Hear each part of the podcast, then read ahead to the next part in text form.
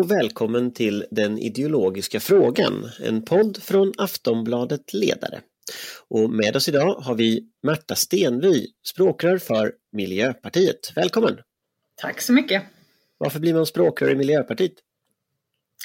Ja, för att det är det finaste uppdrag man kan få om man eh, har de värderingarna jag har. Eh, som en fantastiskt eh, roligt och spännande och viktigt uppdrag i de här tiderna. Miljöpartiet har ju två partiledare. Varför då? Vi har två språkrör, dels eh, utifrån en, ett jämställdhetsperspektiv och dels utifrån ett maktdelningsperspektiv. Att man ska kunna dela på arbetet och man ska kunna göra saker tillsammans eh, snarare än liksom peka med hela handen. Jag brukar eh, illustrera det som att man kan ju leda på olika sätt. Man kan ju sitta liksom längst bak och eh, peka ut sina trupper. Eller så kan man stå mitt i en rörelse och säga, vet ni vad kompisar, nu går vi hitåt. Och det är väl det senare ledarskapet som präglar eh, Miljöpartiets syn på ledarskap väldigt mycket. Eh, så att, ha, att göra saker tillsammans och ha eh, vårt parti med oss. Eh, så det därav att vi också då delar på, delar på ansvaret och delar på på ledarskapet men framförallt så för vi våra medlemmars talan. För ni har ju också en tradition av att byta politiker med jämna mellanrum. Det, mm. det, är så konstigt, vissa partiledare sitter kvar i evighet och ni säger att ja, men Gustav Fridolin blev folkhögskollärare och avgick och sådär. Varifrån kommer den traditionen? Ja, men den kommer ur, eh, ur ett eh, väldigt maktkritiskt eh, perspektiv egentligen. När vi bildades så fanns det en, bland våra grundare en väldig kritik mot det man uppfattade som ett politiskt etablissemang där man satt och prenumererade på poster under väldigt lång tid, där man gynnade varandra, höll i sina arvoden och sina uppdrag och liksom höll i makten helt enkelt. Och eh, vår syn på demokrati är att eh, det är någonting man ska kunna gå in och ut ur. Eh, så att för eh, rotationsprincipen som vi pratar om, att man har ett uppdrag en begränsad tid och sen lämnar vidare till någon annan, den är väldigt, väldigt djupt grundad i, i vår eh, ideologi, skulle jag säga, och vår syn på på styret av samhället. Eh, för mig är den jättecentral faktiskt. Jag har ju kommit in i politiken sent i livet och eh, tänker mig inte att jag ska pensioneras från politiken utan att man just ska kunna ha med sig de erfarenheter som man får i, liksom, vad ska jag säga, ute i samhället och ha dem med sig in i politiken men sen också lämna vidare och ge plats åt andra. Det är en förutsättning för att fler ska få inflytande och utrymme i politiken är ju också att någon flyttar på sig. Eh, och på det sättet som vi organiserade så så, eh, så har, ger vi också naturligt eh, plats åt, åt nya krafter och nya tankar och, och nya, nya människor in i, i politiken. Jag tycker att det är väldigt viktigt att värna. Jag tänker i riksdagsgruppen så har de valt två språkrör men båda är kvinnor. Två gruppledare. Mm. Så gruppledare, båda är kvinnor. Hur, hur pajar inte det idén lite om det ska bidra till jämställdhet så att säga? Där har man ju gjort, eh, det så kan man säga, tittar man på eh, riksdagen i stort så är vi ju för första gången på länge så har vi ju inte längre en helt jämställd eh, riksdag och det beror ju mycket på andra partier som inte har eh, vad ska jag säga, samma syn på varvning och eh, på att ge plats åt kvinnor som, eh, som liksom, de flesta andra partier har haft under lång tid. Eh, tittar man i samhället i stort så är makten fortfarande ganska snedfördelad så att det finns ju en Eh, precis som i alla andra partier så har ju vi ju lite olika syn i olika delar av partiet, men riksdagsgruppen har, har valt att säga att vi ska, vi ska ha eh, minst en, en kvinna i den här konstellationen och ha möjlighet att ha två. Eh, sen har vi ju mm, liksom, traditionellt sett haft en kvinna och en man på den posten, men, men nu har man valt av två kvinnor. Jag tänker, vad, vad, tror du att det beror på? Om man tittar på könsskillnader i hur människor röstar idag så har vi mm. aldrig sett så stora skillnader mellan, mellan höger och vänster, mellan galtan om man säger så, mm. mellan mer auktoritära partier som Sverigedemokraterna och, och, och mera, mera frihetliga partier som Miljöpartiet. Vad tror du det beror på den här väldiga liksom, polariseringen mm. mellan hur, hur kvinnor och män röstar? Ja, det är ju 10 000 kronors frågan. Den är ju, för mig är det här ju en väldigt oroväckande tendens. Uh, inte minst om jag tittar på hur det, uh, hur det ser ut när man liksom gör undersökningar kring unga nu. Jämställdhetsmyndigheten eh, gjorde en, en rapport för inte så länge sedan där de uh, hade ju ställt en, ett antal frågor om synen på jämställdhet och synen på liksom, värderingar. och där framför allt unga svenska män har en bild av att, eller i väldigt stor utsträckning har en bild av att jämställdheten i Sverige eh, är tillräcklig, att det som kvinnor beskriver är överdrivet. Eh, och eh, man ser samma tendenser i andra undersökningar att unga män blir allt mer konservativa i sin världssyn. Och ehm, jag är inte helt säker på vad det beror på, men man ser ju en rad tendenser i i världen där det finns en smarthetskultur. Man ska vara... Smarthetskultur? Liksom, ja, en, en eh, önskan att liksom se om sitt eget hus, att jag ska se om mitt, jag ska ta, ta vara på mitt och att den är, är väldigt stark i vissa grupper av män. Um, och, um, jag har inte kanske en klockren full analys av detta men jag tycker att den är problematisk därför att den den gör ju att människor drar sig in i sina, i sina mindre grupper igen. Så vi går från liksom ett, ett, utåtriktat, ett ideal som är mer utåtriktat och mer inkluderande och mer eh, vad ska man säga, solidariskt med även de som inte är som jag till att dra sig in i att ja, men vi som är lika, vi måste värna varandra. Eh, så, så får man de här, vi kan kalla det polarisering, men det är ju egentligen en, en mer differentierad bilden så att vi får grupper som drar sig in och sluter sig in med sina egna. Eh, och eh, det är klart att liksom de senaste decenniernas utveckling har väl uppfattats delvis som ett hot mot en tidigare given maktstruktur. Och kanske är det här en reaktion på det. Eh, därför att igen då, ska, ska någon få makt så måste någon annan lämna ifrån sig den. Till skillnad från kärlek och frihet. Vad sa du? Någon slags nollsummespel liksom. Ja men till skillnad från kärlek och frihet så är inte makt, eh, makt förökar sig inte. Makt är liksom, eh, den är begränsad. Det finns eh, ett visst, en viss mängd makt.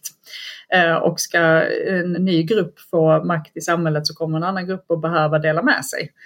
Eh, och det innebär ju att den gruppen eh, kommer att få vara färre som har de maktpositionerna. Och kanske är det det vi ser en reaktion på, att ska kvinnor ha lika mycket makt som män så är det män som kommer att behöva flytta på sig. Det här kommer synas i nästa led när vi pratar om andra mångfaldsaspekter. Att ska utlandsfödda kvinnor få makt, ja då kommer eh, vita eh, inrikesfödda kvinnor att också behöva flytta på sig. Mm. Mm. Alltså, du, du, är ju aktiv i en politisk miljö i Skåne. Du har varit kommunalråd, du har varit regionråd, du har varit under egentligen hela den tiden när Sverigedemokraterna haft sina riktigt stora framgångar. Och mm. tittar vi idag så är ju Sverigedemokraterna inte ett parti bland andra, men liksom ett parti i mängden ändå i, i Skåne. Vissa kommuner leder man. Eh, man har, eh, I vissa kommuner är man största parti. Eh, nu har vi sett Liberalerna bjuder in till förhandlingar med Sverigedemokraterna här i helgen. Kommer Sverige att bli som Skåne har varit nu? Utifrån dina, liksom, din utgångspunkt. Du sitter i Malmö när vi har det här mm. samtalet. Mm. Mm. Jag tror att det finns mycket att lära av processerna som har uh, skett i Skåne. Uh, och jag tror att vi ganska ofta ser uh, politiska trender börja i Skåne. Om man ska eh, titta, det har vi sett förr i historien. Eh, Socialdemokratin växte fram eh, i Malmö en gång i tiden. Men jag hoppas ju inte det. Det jag ser i de kommuner där Sverigedemokraterna styr är inte roligt i form av inskränkning av insyn från andra partier i form av hur man skär ner på, på mångfaldsarbete och möjligheterna för den som inte tillhör det svenska normsamhället. Ehm, det enorma petandet, ja precis, det enorma petandet in i förvaltningsstrukturen. Där finns liksom ingen eh, armlängds avstånd mellan politik och, och förvaltning överhuvudtaget. Eh, jag, jag, hoppas att vi inte kommer dit och jag är otroligt eh, men sorgsen får jag väl säga över beslutet i helgen. Det var ju inte oväntat, men däremot så tycker jag att det är väldigt beklagligt, för jag tror att det är fel väg att gå. Alltså, om, om du tänker utifrån det Liberalerna gör nu, det här är ju en del av det de gör. Det andra är ju att man börjar ju krypskjuta på januarisamarbetet. Ett exempel är det här att man har ifrågasatt den humanitära skyddsgrunden, till exempel man vill urvattna mm. den. Mm. Jag antar att det är mycket symbolpolitik i det där att de väljer en fråga om, om, migration just naturligtvis i det här. Men vad tänker du om det? Ni står ju liksom på absolut andra sidan i den, i den frågan. Ehm, ja men det är ju två delar i det du frågar om. Det ena är ju det allmänna krypskyttet. Ehm, och eh, jag är ju av den eh, åsikten och det gäller ju även liksom, mitt eget partis relation till, till makten. Eh, att ehm, vi ska försöka påverka, vi ska försöka driva igenom vår politik i praktiken och det enda sättet att göra det är genom kompromisser. Men då måste man också kunna stå för de kompromisserna. Så länge vi kan det, då ska vi också stå upp för dem och kunna förklara att det här är en kompromiss och den har vi tagit därför att vi menar att det blir det, det, blir det bästa som vi kan åstadkomma. Um, och uh, när vi bildade januariavtalet, där vi slöt, eller slöt avtalet, uh, så handlade det ju faktiskt om att hålla högerextrema krafter borta från inflytande. Eh, och nu har Liberalerna gjort ett annat ställningstagande samtidigt som man sitter kvar i avtalet och då istället försöker hitta olika sätt att underminera det och säga att det här är ett väldigt dåligt sätt att styra. Ändå är man kvar i det. Det, det är en ganska luddig position som man har just nu. När det gäller den humanitära skyddsgrunden eh, så menar jag ju att det, vi, det läge vi är i just nu, den eh, riksdag vi har eh, innebär en, en djupt repressiv politik som jag är väldigt eh, olycklig över. Eh, den humanitära skyddsgrunden är ju ett sätt att hantera de, eh, de mest akuta konsekvenserna av det, den majoritet som finns i riksdagen just nu och jag tycker att den är otroligt viktig, att den blir bra, att den faktiskt ger möjlighet för de som är allra mest utsatta att kunna få skydd här. Och ehm, eh, det är ju då en position som, som Liberalerna ifrågasätter trots att vi har det lägsta flyktingmottagandet som vi har haft på decennier. Eh, så att eh, vi får väl se var vi landar i det där men vi, vi har ju vår ståndpunkt eh, väldigt klar för oss och i slutändan handlar det ju om att Eh, om man menar att, att hbtq-personer ska kunna leva fritt i Sverige men samtidigt säger att man inte ska kunna återförenas här därför att man inte har kunnat leva ihop i ett hemland där själva, den, själva läggningen är belagd med dödsstraff. Ja, men det blir ju en tankevurpa som bara slår mot dem som redan är så förföljda, så utsatta. Och jag har väldigt svårt att se hur man som, som liberal skulle kunna se ett, ett frihetsperspektiv i, i en sån hållning. Alltså, hur, var tror du man kommer att landa? Alltså, litar du på sossarna i den här frågan?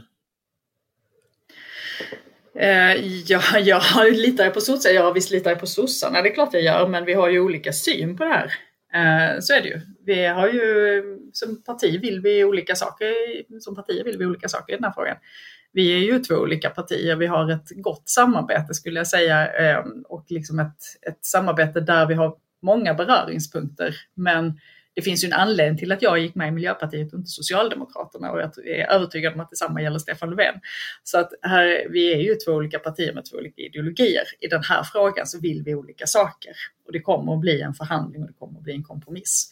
Därför att vi inte, vi, ingångspunkterna är vi ju, det är ju ingen, ingen som helst hemlighet att vi inte är överens i ingångarna. Men däremot så har jag ju förhoppningen att vi ska hitta en kompromiss som fungerar och som innebär att vi inte får eh, att vi får åtminstone en ventil för de som är så fruktansvärt utsatta i det här. Eh, trots att eh, nu riksdagen ser ut som den gör. Hur ska ni få majoritet i riksdagen för en sån kompromiss?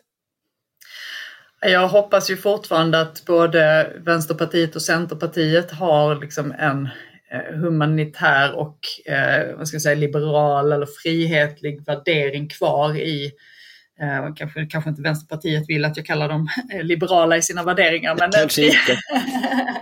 en, en känsla för mänskliga rättigheter eh, som ändå kommer slå igenom. Och att eh, även om det inte är eh, av, från olika håll då det man hade velat se, att vi ändå kan hitta en överenskommelse för att det här slitandet där den tillfälliga lagen fortsätter löpa på och slitandet ständigt i nivåerna och ständigt i förutsättningarna som ger en, en godtycklighet för dem som behöver skydd. Den är, den är inte bra eh, och vi behöver landa ner någonting så att det finns en möjlighet att förstå vad som förväntas, förstå vad man har för förutsättningar och att vi också då kan hitta en konstruktion som gör att vi, att vi inte bara ehm, att vi inte bara behandlar människor illa. I grund och botten handlar det här om hur vi ser på människor, hur vi ser på hur man ska behandla andra människor, hur man ska behandla sina medmänniskor. Och då behövs den humanitära skyddsgrunden som ventil väldigt mycket. Eh, på tal om Socialdemokraterna, Stefan Löfven hade en, en, eh, en intervju i veckan eh, i Dagens Nyheter där han, där han eh, konstaterade att Sverigedemokraterna skulle kräva, eller kommer att kräva väldigt stora eftergifter av Moderaterna, Liberalerna, KD för att låta dem bilda regering. Och han säger att detta hotar demokratin. Nu, just nu är det hela havet stormar i sociala medier, eh, borgerligheten är mycket upprörd över detta och en del annat. Eh, men om man går tillbaka till det Stefan Löfven faktiskt säger, på vilket sätt hotar ett, så att säga, eftergifter till Sverigedemokraterna demokratin? Eh, det jag tror är ett hot mot demokratin det är eh, att ge Sverigedemokraterna ett inflytande eh, som på sikt innebär att de tar över. Jag har inga illusioner om vad det partiet har för långsiktig målsättning. Eh, och jag ser inte någonting i det som handlar om vare sig eh, skydd för minoriteter eller skydd för utsatta grupper utan det är, det är den politik de bedriver, det är en politik för ett majoritetssamhälle som ska ha för, tolkningsföreträde i alla frågor. Eh, och det ett, en, en fungerande demokrati är ju inte bara majoritetsbeslut en fungerande majoritet måste innehålla ett skydd för minoriteter, det måste innehålla en rättsstat som är oberoende, därför att annars fungerar inte demokratin. Och det här, ehm, här ser, ser jag med stor oro när man flyttar sig steg för steg för steg närmare en sverigedemokratisk politik och ett sverigedemokratiskt uttryck. Eh, och jag kan ju också bara konstatera, det här är också intressant, det går fort i politiken. Eh, jag kan ju bara konstatera att det är ju inte mer än ett par, tre år sedan som både moderater och kristdemokrater hade samma uppfattning. Eh, att, att det fanns liksom en väsensskillnad mellan Sverigedemokraterna och de andra partierna just på grund av deras syn på mänskliga rättigheter, på minoriteter, på Eh, på eh, liksom frihetsfrågor och, eh, och skyddet för demokratin. Och idag så säger Ulf Kristersson att Sverigedemokraterna har förändrats så himla mycket. Men jag ser inte det, jag förstår inte vad det är han menar. Jag är överhuvudtaget inte klok på vad det är han skulle kunna peka på som innebär att Sverigedemokraterna skulle ha flyttat sig mot en mer demokratisk, mer eh, humanitär, mer eh, liksom MR-orienterad politik. Tvärtom så är det ju allt mer assimilering, allt mer återvandring, ett allt hårdare tryck som ska sättas mot eh, grupper så att de ska skrämmas bort ur landet. Eh, och eh, jag skulle säga att har de förändrats i någon riktning så är det ju att, att deras liksom, hållning och öppna värderingar har blivit mer auktoritära, inte mindre. När du säger att du inte har några illusioner om vad deras mål är, vad skulle du, om du ska säga vad är deras mål? Vad är Sverigedemokraternas mål? Du har ju sett dem live så att säga på ett sätt som kanske övriga Sverige inte har sett riktigt i, i Skåne, mm. där de ju faktiskt har makt. Vad, vad konkret är det liksom som är målet? Ett homogent samhälle där, eh, där en majoritet får bestämma vad som är rätt och fel även för, eh, för de som inte håller med. Eh, det är ju så oerhört intressant med Eh, den här offerkoftan som åker på hela tiden och kränk, lättkränktheten hos Sverigedemokraterna därför att eh, man pekar gärna på att vi minsann 20 procent av befolkningen röstar på oss och det skulle då ge liksom någon slags mandat att inskränka frihet för, eh, för eh, så många andra grupper. Och just, just det här, det här är väldigt centralt för mig i politiken, att det handlar om att öka friheten, öka frihetsgraden för så många som möjligt. Eh, och min bild, eller min eh, absoluta uppfattning om Sverigedemokraterna är att det egentligen handlar om precis motsatsen. Inskränka friheten, malla upp, eh, skapa boxar som människor ska få plats i och som de ska hålla sig till och inte kliva utanför. Man får visserligen lov att vara homosexuell därför att nu har vi haft en, en liberal syn på det i Sverige under väldigt lång tid och då är det etablerat och då köper även Sverigedemokraterna det. Men man får inte visa det så tydligt. Man ska inte hålla på och gå i Pride och man ska gärna ta bort flaggorna och man ska inte hbtq-certifiera för vi ska inte prata så mycket om det utan det ska hållas undan. Så att liksom normen och mallen för vad en svensk är ska bestämmas av Sverigedemokraterna och sen ska vi andra hålla oss till den. Och för mig är det oerhört provocerande därför att det går stick i stäv med hur jag ser på på mellanmänskliga relationer. Mm. Byter ämne lite till, till Corona tänkte jag. Det, mm. Påsklovet för ett år sedan var faktiskt den första storhelgen som så säga, ställdes in på uppmaning av, av regeringen och ja, kungen och allt möjligt eh, för ett år sedan. Och nu sitter vi här liksom ett år, eh, ett år efter det. Mm. Vi har inte fått träffa äldre släktingar, vi har inte fått träffa vänner, vi, hade inte, vi fick inte fira jul utifrån liksom vad, vad, vad, du ser, finns det någon, alltså ser du något ljus i tunneln? Just nu kommer så här olika besked hela tiden, men, men det här, måste ju, det här kommer ju att ta slut en dag. Eh, ser du något ljus? Ja, det, det gör jag. Alltså när vi, när vi har vaccinerat eh, när vi har vaccinerat en stor del av den vuxna befolkningen så kommer ju situationen att se annorlunda ut. Men vi kommer att leva med den här pandemin under många år framåt. För smittan kommer inte att försvinna. Eh, det tar många, många år att utrota en sjukdom. Eh, och det här är dessutom en, en sjukdom som är ganska föränderlig. Eh, så att det, smittan kommer vi leva med, men vi kommer kunna leva på ett annat sätt med den när vi har en stor del av befolkningen vaccinerad. Det jag är väldigt eh, bekymrad över just nu och som upptar mycket av, av min vakna tid. Det, det är ju faktiskt att vi under det här året, som du beskriver, så har vi hanterat smittan eh, och konsekvenserna av sjukdomen. Försökt, eh, försökt liksom hitta ett sätt att inte Eh, dränka sjukvården. Därför att eh, liksom, om du eller jag får cancer eller bryter ett ben eller så vill vi att det ska finnas utrymme i sjukvården fortfarande. Vi måste liksom ha en kapacitet i sjukvården. Um, och det har vi ägnat mycket tid åt att hålla nere smittan så att sjukvården ska hinna och orka med och att inte människor ska, ska då bli så sjuka att de går bort i den här, uh, den här sjukdomen.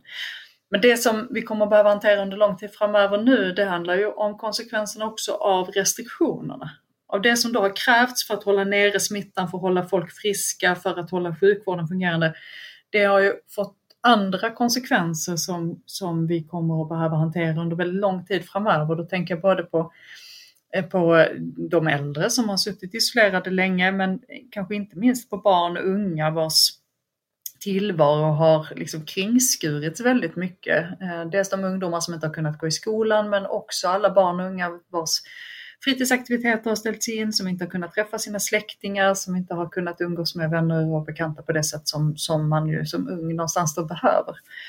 Och de barn som också som har blivit isolerade i hemmen eh, med eh, liksom dåliga hemförhållanden och våldsamma föräldrar. Och så. så här är många konsekvenser. Och det, eh, tittar man globalt så har ju också pandemin slagit väldigt hårt mot jämställdheten, både globalt och här hemma. Och här är, här är många frågor som vi kommer behöva också växla fokus till. Att hur hanterar vi konsekvenserna av restriktionerna?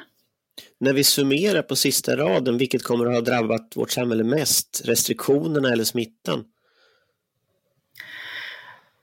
Svårt att säga, men, och jag är inte säker på att man kan göra en värdering däremellan därför att det är ju i den, i den fasen vi har varit med liksom en, en oerhört snabb smittspridning och innan vaccinet innan vaccinen var framme så det är klart att vi måste ju hålla folk eh, friska och vid liv.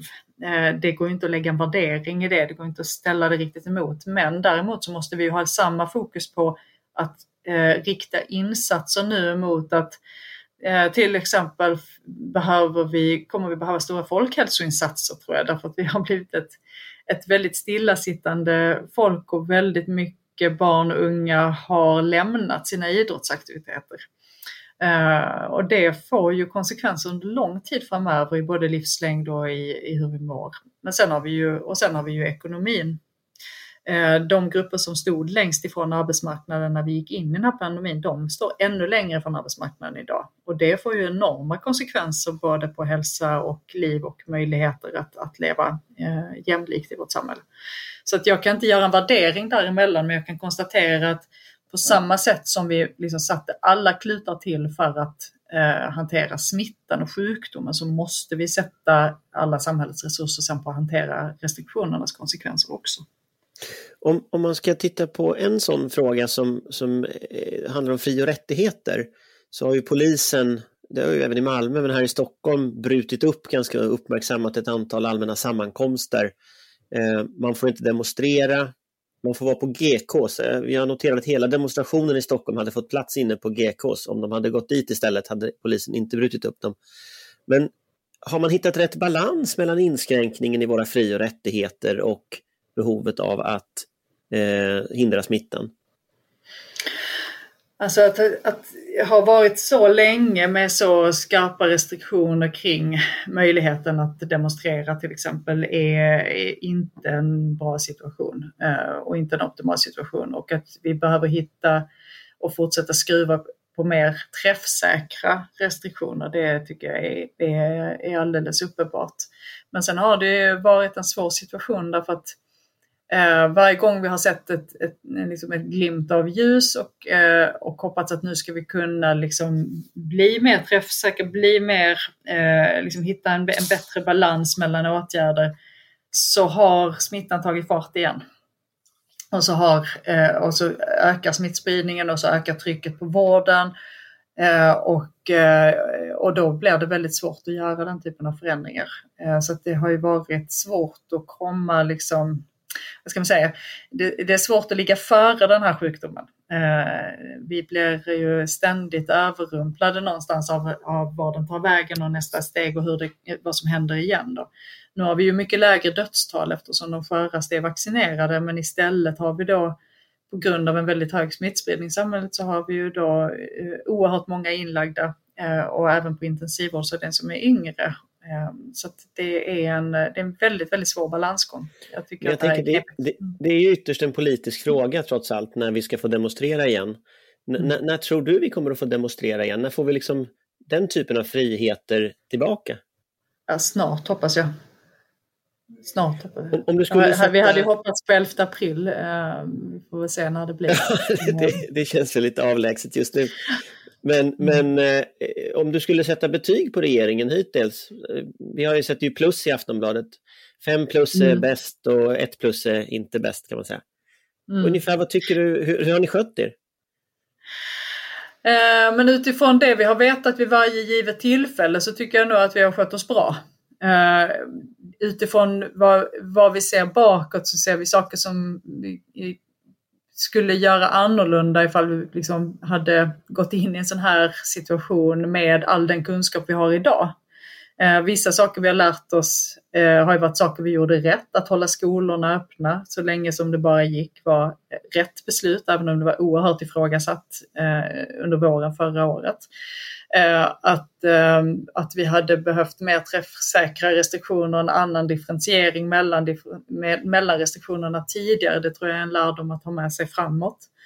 Eh, men det är ingen enkel materia det här. Eh, och det är vi har ju haft globala pandemier förr, men det är ju den, det här är den största globala pandemin vi har i ett modernt samhälle och med de moderna både liksom värdekedjor, den digitala infrastruktur vi har och sen i Sverige kanske också den första stora pandemin vi har i ett samhälle där vi plötsligt har ökande klyftor istället för en ökande jämlikhet. Och det har ju också ställt stora det har ju blixtbelysts någonstans vad de ökande ekonomiska klyftorna innebär. Vi har ju pratat om dem i två decennier, eh, att de ökar. Men nu har det ju ställts på sin spets vad det betyder i människors liksom, liv, i individers liv och individers vardag. Eh, och det tycker jag är en, en, något som är oerhört viktigt att ha med sig fram. Mm. En annan effekt som man diskuterat tidigare här, det var ju på klimatet, att det här skulle vara bra för klimatet. Vi såg bilder, de visade sig vara fejk sen, men med delfiner som hoppade runt i Venedig och sådär. Eh, det blev ju inte riktigt så. Eh, nu, och nu i november så har vi ju COP26. Eh, ändå så blir klimat, eh, utvecklingen av, av växthusgaser och så, det försämras mm. hela tiden. Mm. Är de här topp, det, jag antar att, att det är faktiskt, ja, det är återigen Miljöpartiet som håller i taktpinnen inför ett sånt här eh, klimattoppmöte för Sveriges del. Mm. Eh, spelar de där mötena någon roll? Det verkar ju inte, verkar inte bli så mycket bättre. Ja, jag tror att de spelar väldigt stor roll. Um, men vi har ju jättemycket att göra, kära någon. Och det är en, en, eh, vad ska säga, en effekt där, av pandemin där man liksom såg framför sig hur utsläppen skulle minska väldigt drastiskt. Det var ju därför man såg framför sig att, att världsekonomin någonstans skulle krascha. Eh, och det gjorde den inte, tack och lov måste man ju ändå säga. Eh, alltså jag vill ju se en, en väldigt snabb minskning av utsläppen men jag vill inte Eh, se människor stå på gatan utan försörjning som, och betala priset för det.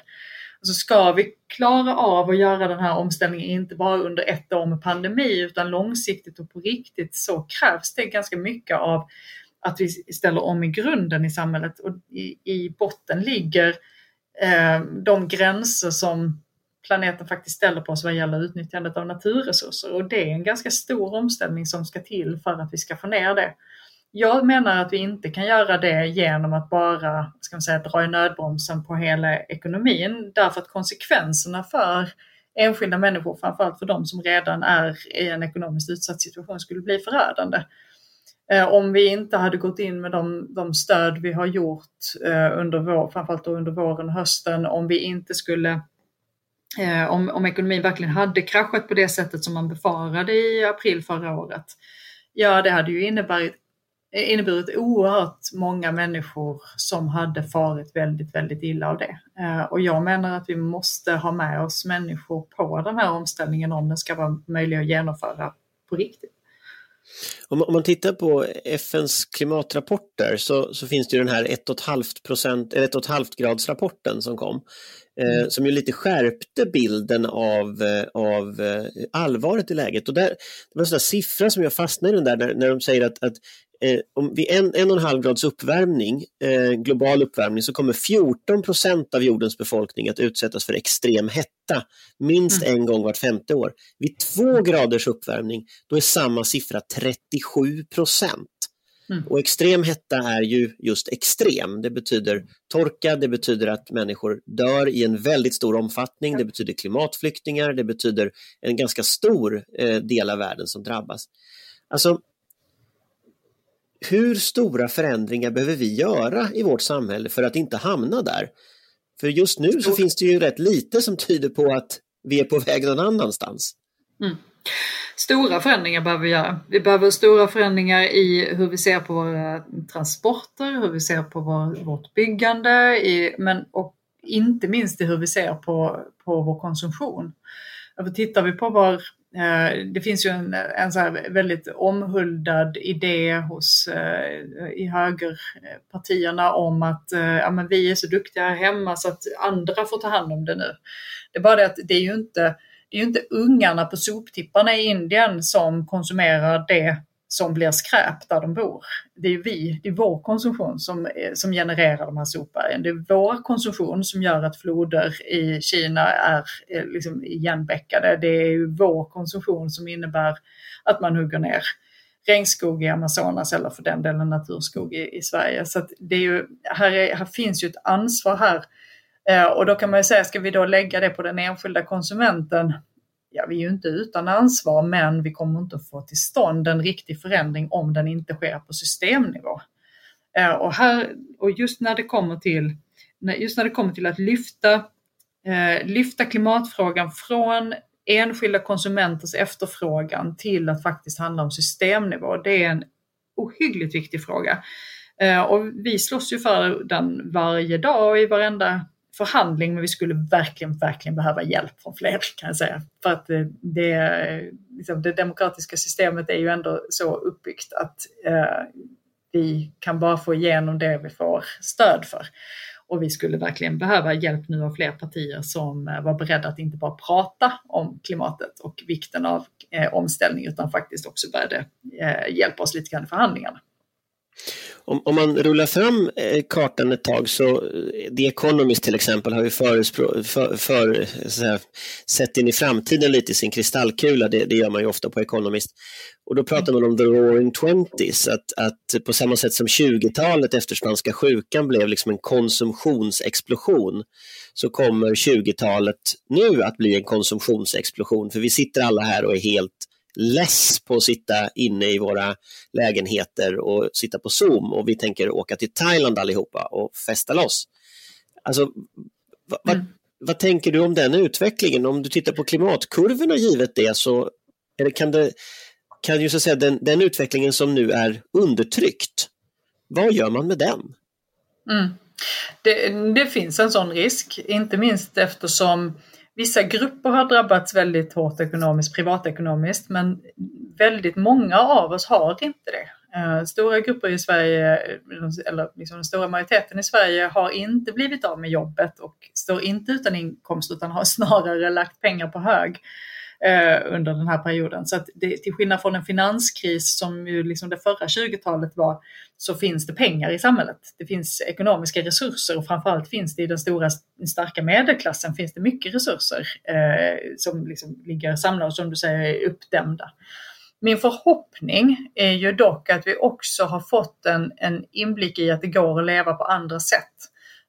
Jag tänker på eh, hur många eh, tjänsteresor som har varit inställda under, eh, under den här tiden. Om man tittar på de stora eh, de stora utsläppen från flyget i Sverige är ju inrikesflyg och det är framförallt mellan våra storstäder. Det är till väldigt stor utsträckning tjänsteresor hade vi kunnat hålla i liksom det här sättet att arbeta som nu när du och jag sitter och spelar in en, en podd och det gör vi med 60 mil emellan och det går alldeles utmärkt. Jag behövde inte ta mig till Stockholm för att göra den här podden med dig. Jag sitter och gör det alldeles utmärkt över, över, eh, över internet. Eh, här finns ju liksom sätt att arbeta och sätt att, att förhålla sig till vardagen och till vår tid som eh, är annorlunda. Ehm, men sen, eh, och sen kan man väl säga att konsumtionen eh, har ju inte gått ner så mycket den här perioden som vi trodde. Därav att världsekonomin också håller, håller uppe. Däremot så har vi konsumerat på andra sätt och där finns ju liksom någonting att fundera över. Eh, vad vi har konsumerat och i vilken utsträckning. Men att, res, att vi kommer att vilja resa, det, det tror jag absolut, det känner jag själv. Och då är det ju viktigt att det finns eh, alternativ och sätt att resa som är möjliga som inte innebär stora, eh, stora utsläpp. Helt enkelt. Och då är vi tillbaka på detta med systemnivån. Att det inte kan ligga på varje enskild, eh, enskild människa att ta det ansvaret att politiken och samhället, det offentliga, behöver vara där och se till att det finns alternativ som gör att man kan uppleva världen utan att därmed orsaka en katastrof för de människor som redan har minst resurser och minst möjlighet att skydda sig från konsekvenserna. Mm.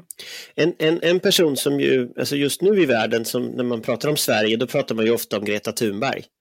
Vi är mm. liksom the land av Greta Thunberg. I veckan så, så av, eh, avtäcktes en staty faktiskt av Greta Thunberg i, i universitetet i Winchester i Storbritannien. Eh, det är lite kanske lustigt med en li, li, mm. livslevande eh, tonåring så att man har staty, men det har man gjort. Eh, men jag funderar på det att i den liksom miljön där Sverige sätter så oerhört stort avtryck, varför vinner inte Miljöpartiet på det? Ja, men av, eh, av flera skäl.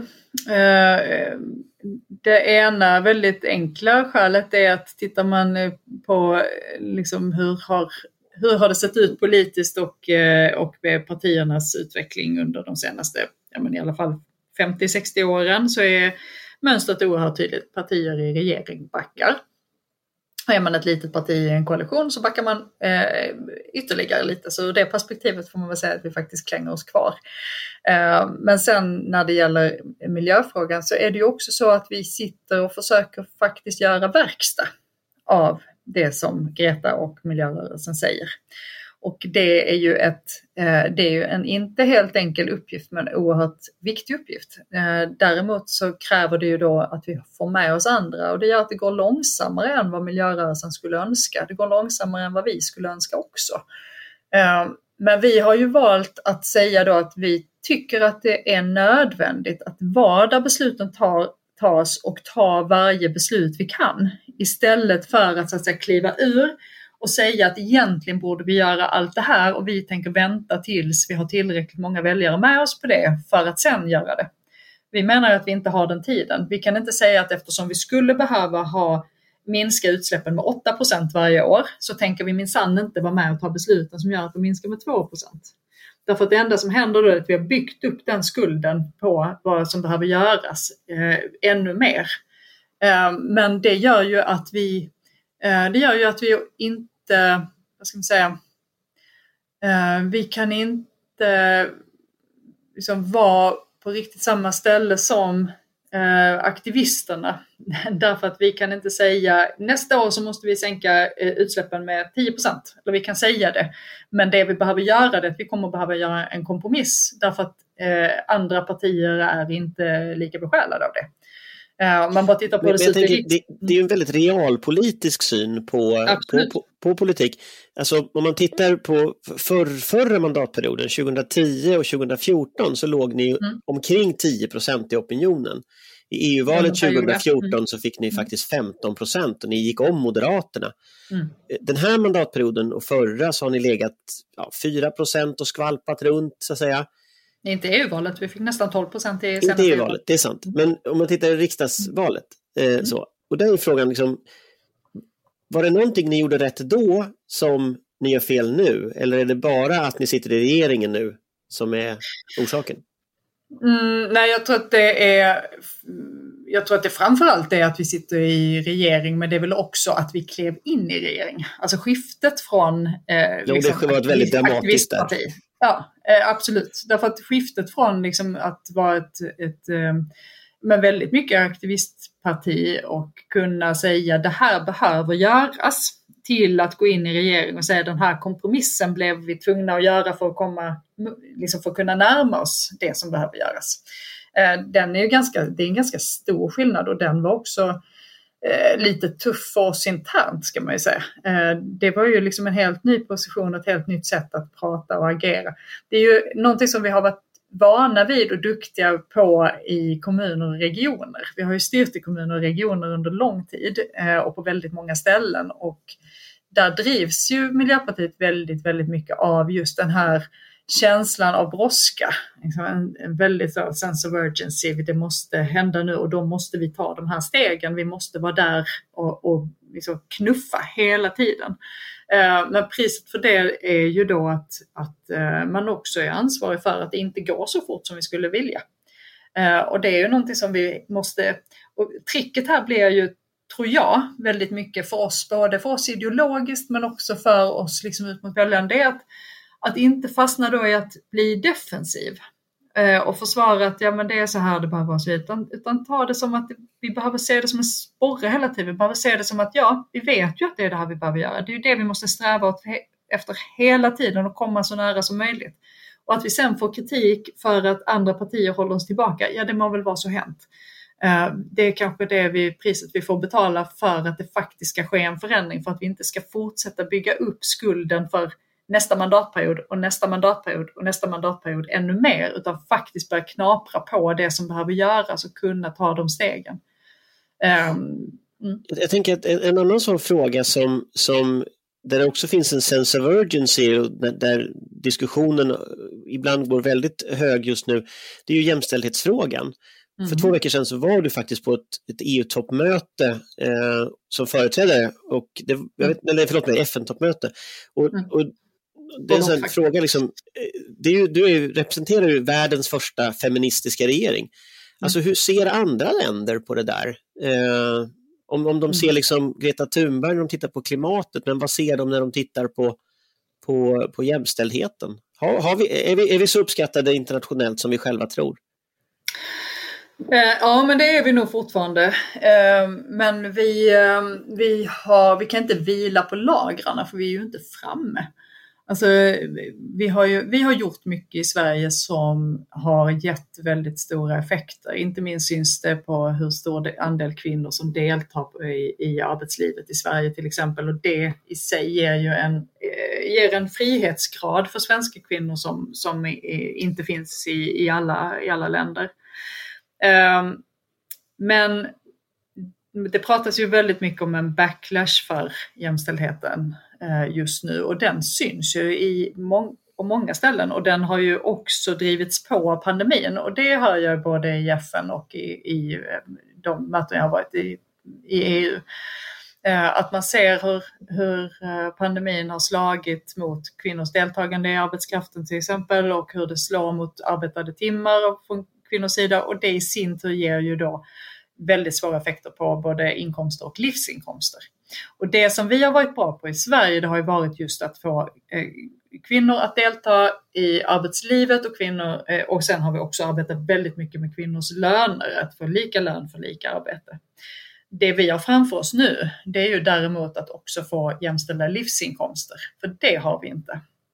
Och det drivs ju liksom dels av att vi inte har lyckats utjämna inkomsterna mellan olika yrkesgrupper. Så trots samma utbildningskrav, samma ansvar, så har man väldigt olika eh, lönenivåer mellan kvinnodominerade och mansdominerade yrken. Men en annan dimension är ju samma effekter som driver de ökade ekonomiska klyftorna, att det handlar väldigt mycket om kapitalinkomster. Där är skillnaderna mellan män och kvinnor jättestora och det gör att på 25 år så har egentligen inte eh, inkomstskillnaderna minskat. Löneskillnaderna har minskat men inkomstskillnaderna har inte minskat utan kvinnor har fortfarande 77 procent av mäns inkomster. Och det drivs extremt mycket av kapitalinkomster. Och det här kommer vi att behöva, tycker jag, verkligen eh, få på agendan ordentligt för det skapar en ohygglig ojämlikhet i förlängningen.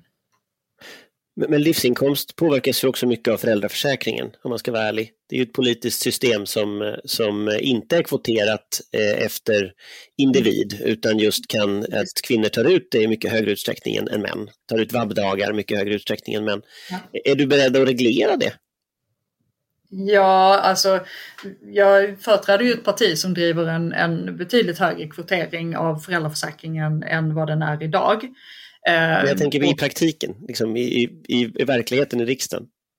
Ja, men i verkligheten i riksdagen finns det inget stöd för det idag, dessvärre. Eh, så det finns inget sätt att få det igenom. Och, eh, ja, och det kan vi ju det hade vi ju kunnat eh, kanske få med oss vår samarbetspartner på att lägga fram bara för att få det nerröstat. Men det, eh, vi får väl se om jag lyckas med det, eh, bara för att illustrera poängen. Men det finns för, ingen för, möjlighet att det igenom.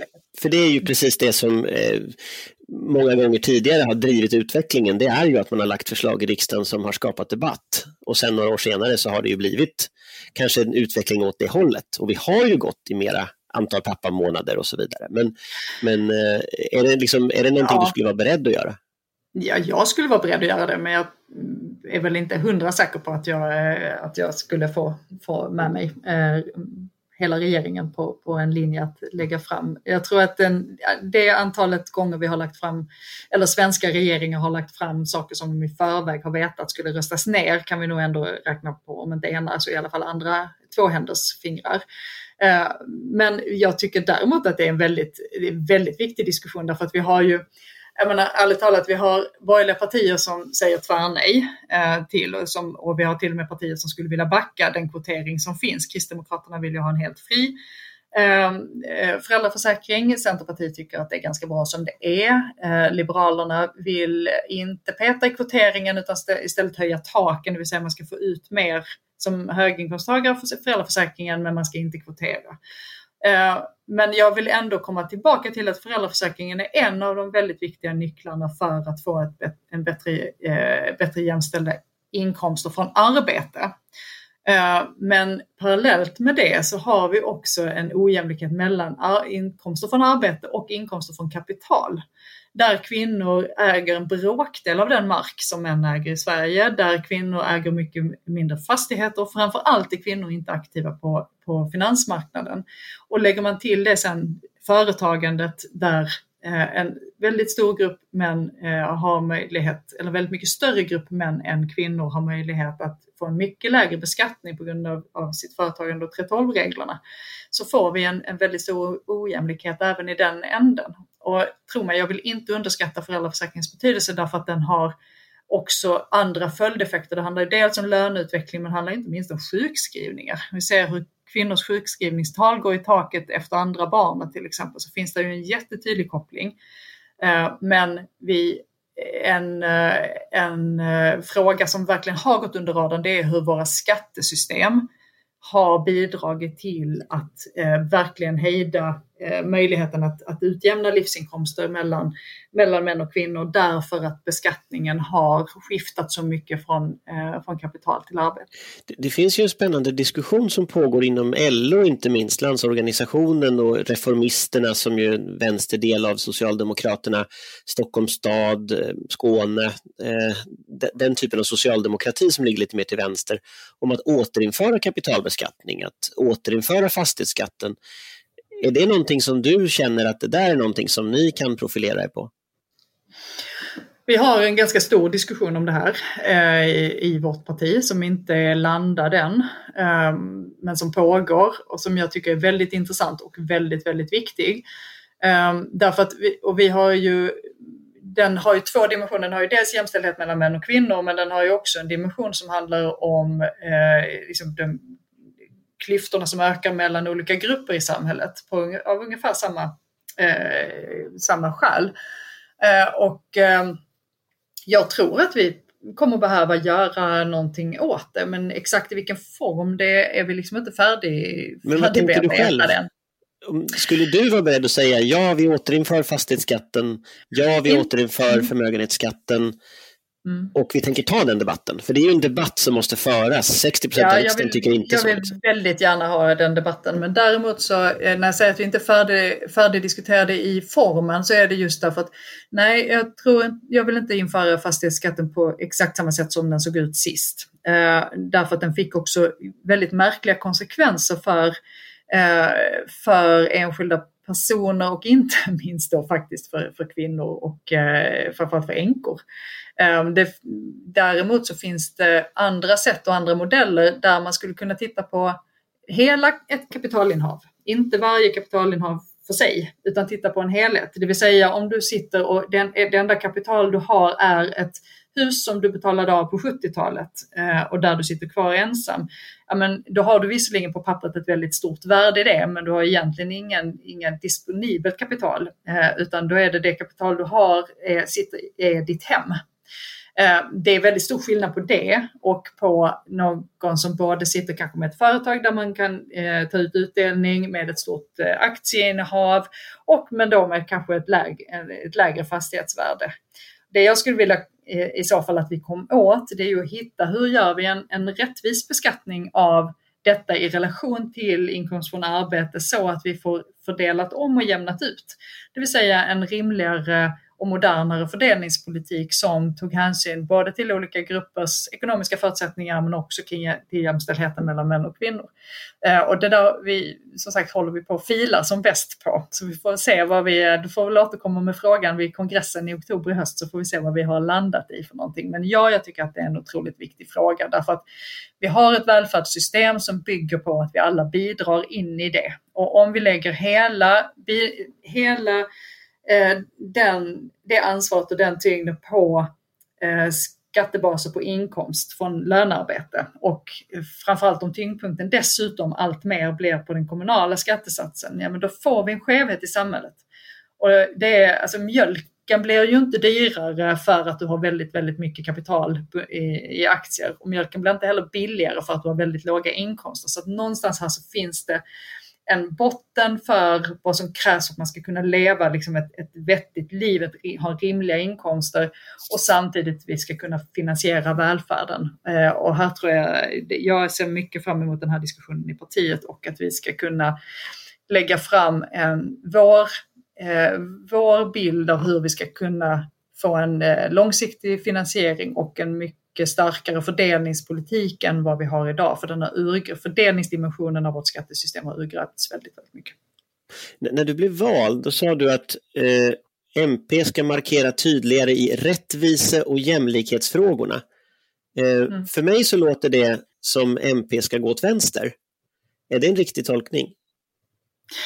Um, Nej, jag tror inte det. Eh, det finns en skillnad mellan, våra, mellan vårt parti och eh, de partier som är sprungna ur arbetarrörelsen.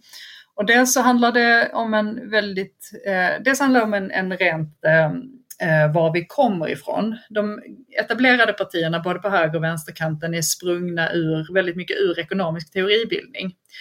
Eh, och eh, därmed är också ekonomiska verktyg väldigt ideologiska. Det syns både i Vänsterpartiet, syns i Moderaterna, till viss del i Socialdemokraterna, fortfarande till viss del i Centerpartiet.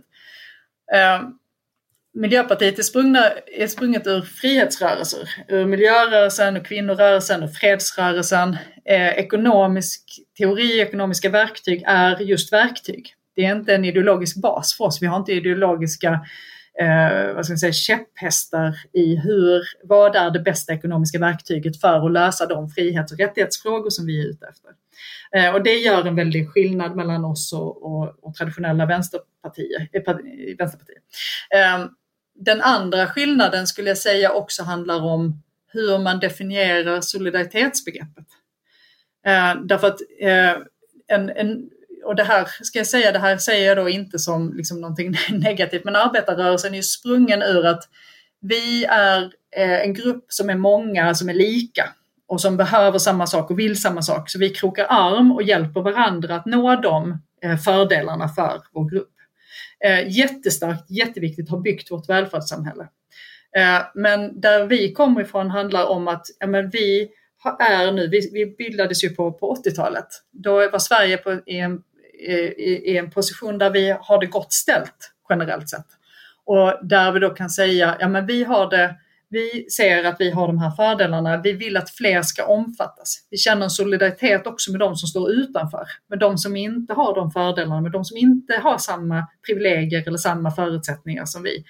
Och det där är två väldigt olika sätt att närma sig solidaritetsbegreppet och det ger effekter också på vår, på vår politik. Eh, och ehm, så att jag tror att det skulle vara väldigt förenklat att säga att vi skulle bli mer vänster. Däremot så tror jag att vi för att uppnå de mer, om man får bli lite teoretisk då, våra gallmål eh, kanske kommer att överväga eh, verk, ekonomiska verktyg som traditionellt har hört hemma på vänsterkanten. Jag vet inte om det var men, men, om, jag, men om, man tittar, om man tittar på en sån klassisk eh, teoretiker som Roberto Bobbio till exempel i den här eh, idéskriften Destra Sinistra där han diskuterar just höger eller vänster, vad är skillnaden på höger och vänster? Så konstaterar han ju efter diverse turer att den stora skillnaden mellan höger och vänster det är synen på jämlikhet.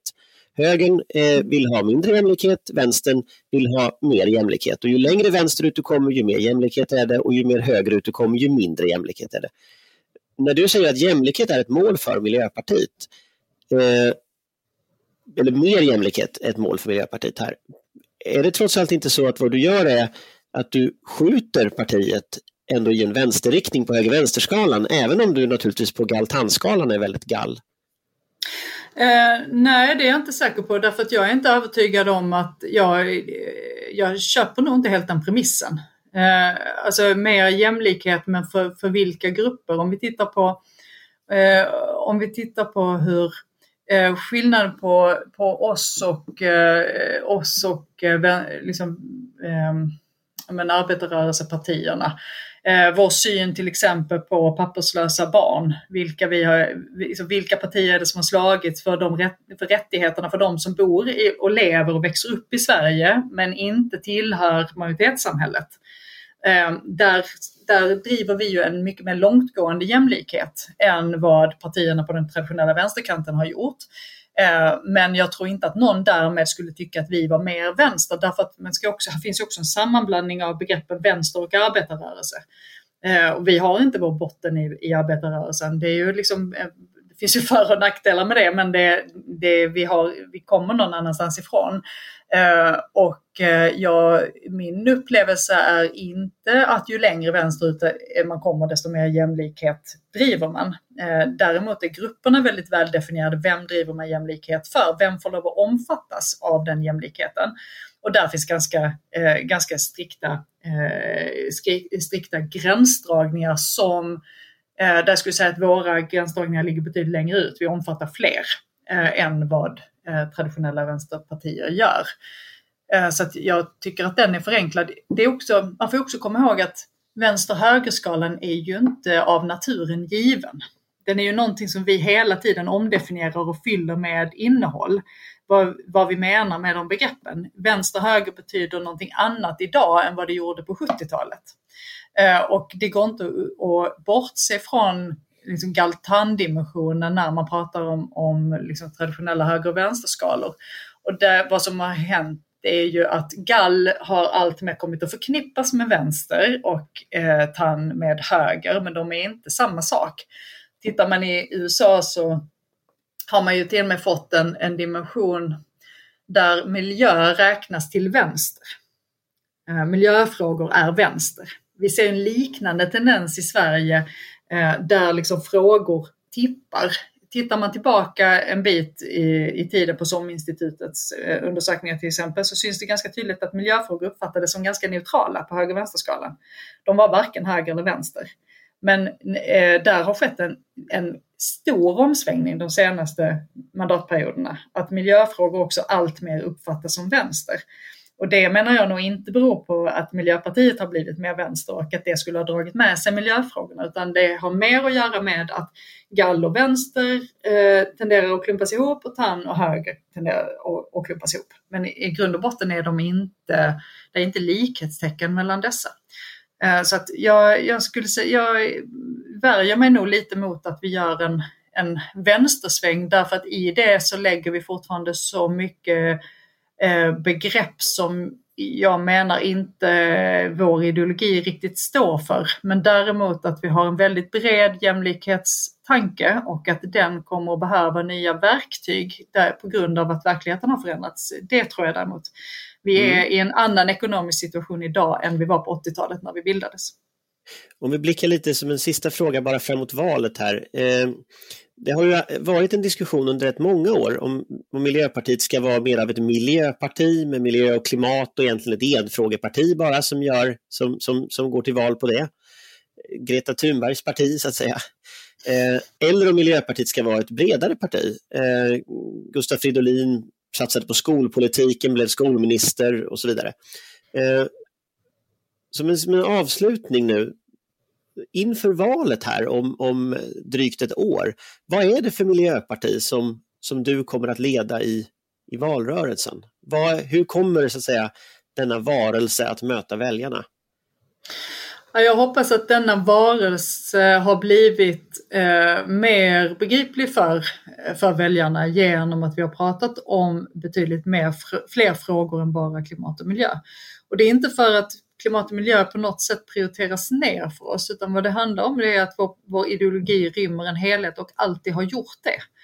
Eh, däremot så har ju vi sett Ehm, jag skulle säga att vi lite grann kanske när vi bildades på 80-talet ändå kunde luta oss ganska mycket tillbaka till att de andra frågorna som var viktiga för oss tog andra partier hand om. Ehm, I början på 80-talet så hade vi ett väldigt starkt välfärdssystem. Vi hade en demografi som passade vårt välfärdssystem väldigt väl med en stor arbetande befolkning och en liten, eh, små barnkullar, små, äldre, eh, små kullar äldre. Idag är vi i en helt annan situation och den, de stora förändringar i inte minst i skatter och i ekonomiskt system som vi har sett de senaste decennierna har inneburit ett, ett, ett väldigt djupgående skifte i hur vår välfärd ser ut och hur, våra, eh, hur vår fördelningspolitik ser ut i Sverige. Eh, det gör att Miljöpartiet inte längre kan förlita sig på att, alla, att andra partier liksom tar hand om de frågorna och vi kan unna oss att bara titta på miljö och klimatfrågor. Därför att om vi menar allvar med våra solidariteter, du vet vi har ju tre solidariteter med eh, djur, natur, ekosystem, med eh, alla människor och med kommande generationer. Om vi menar allvar med det, ja, men då måste vi också ta ansvar för att visa vad är, då, vad är det som krävs för att bygga eh, världen framåt. Och jag är ju eh, kanske föga förvånande men mycket övertygad om att den gröna ideologin som liksom växer fram nu i, i hela världen egentligen eh, har de svaren som krävs för framtiden. Eh, socialismen bildades för 150 år sedan, de konservativa eh, ideologierna bildades för nästan lika länge sedan vi har en annan verklighet idag, vi har en annan värld idag med andra utmaningar och då menar jag att det är grön, grön ideologi som kommer krävas för att lösa, lösa samhällsproblemen framåt. Och det ska synas när vi går till val 2022 hoppas jag. Tack för att du kunde vara med. Tack så mycket, jättetrevligt.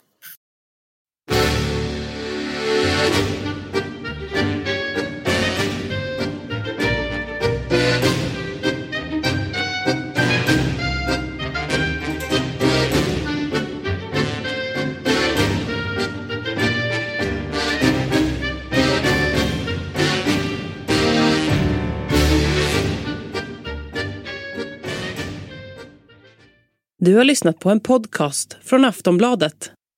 Ansvarig utgivare är Lena K Samuelsson.